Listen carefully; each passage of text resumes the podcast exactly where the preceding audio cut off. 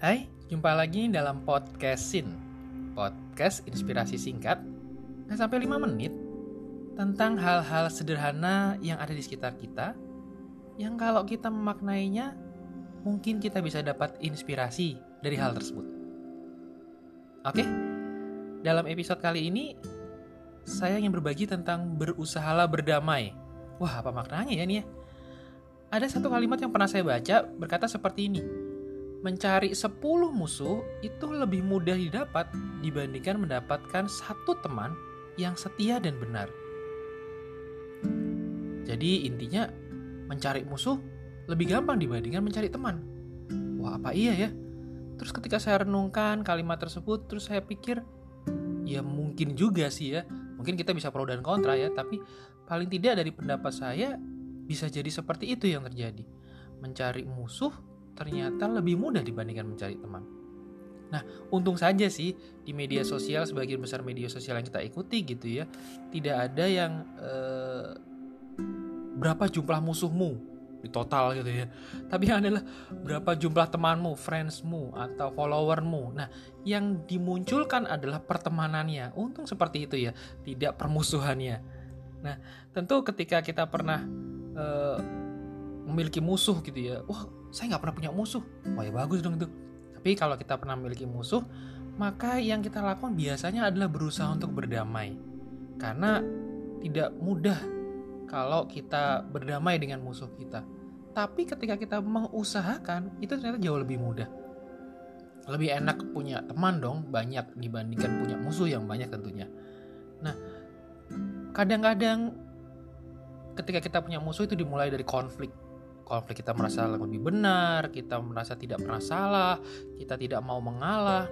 Intinya bermuara pada satu kata sebenarnya gengsi atau harga diri. Nah ini hal yang membuat kadang kita sulit berdamai dengan orang lain. Lo yang salah dia duluan kok kenapa saya harus minta maaf? Kan saya nggak salah dia dong minta maaf duluan.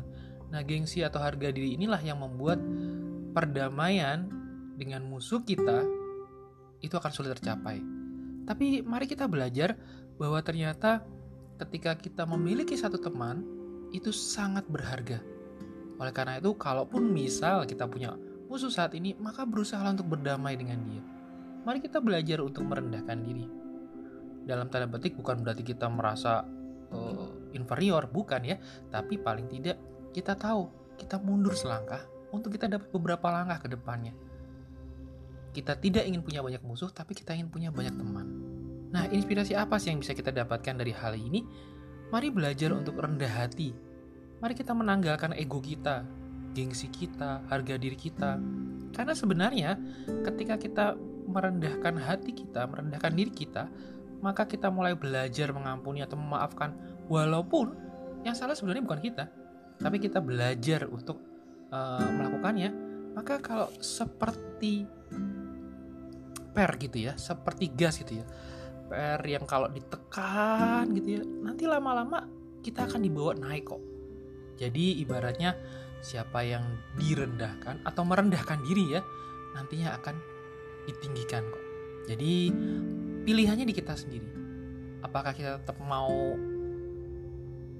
berkonflik dengan banyak orang ataukah kita tidak mau mengampuni kita tetap memegang ego kita sehingga menambah musuh atau justru kita mau belajar merendahkan hati kita, merendahkan diri kita, karena pada waktunya nanti kita pun akan ditinggikan.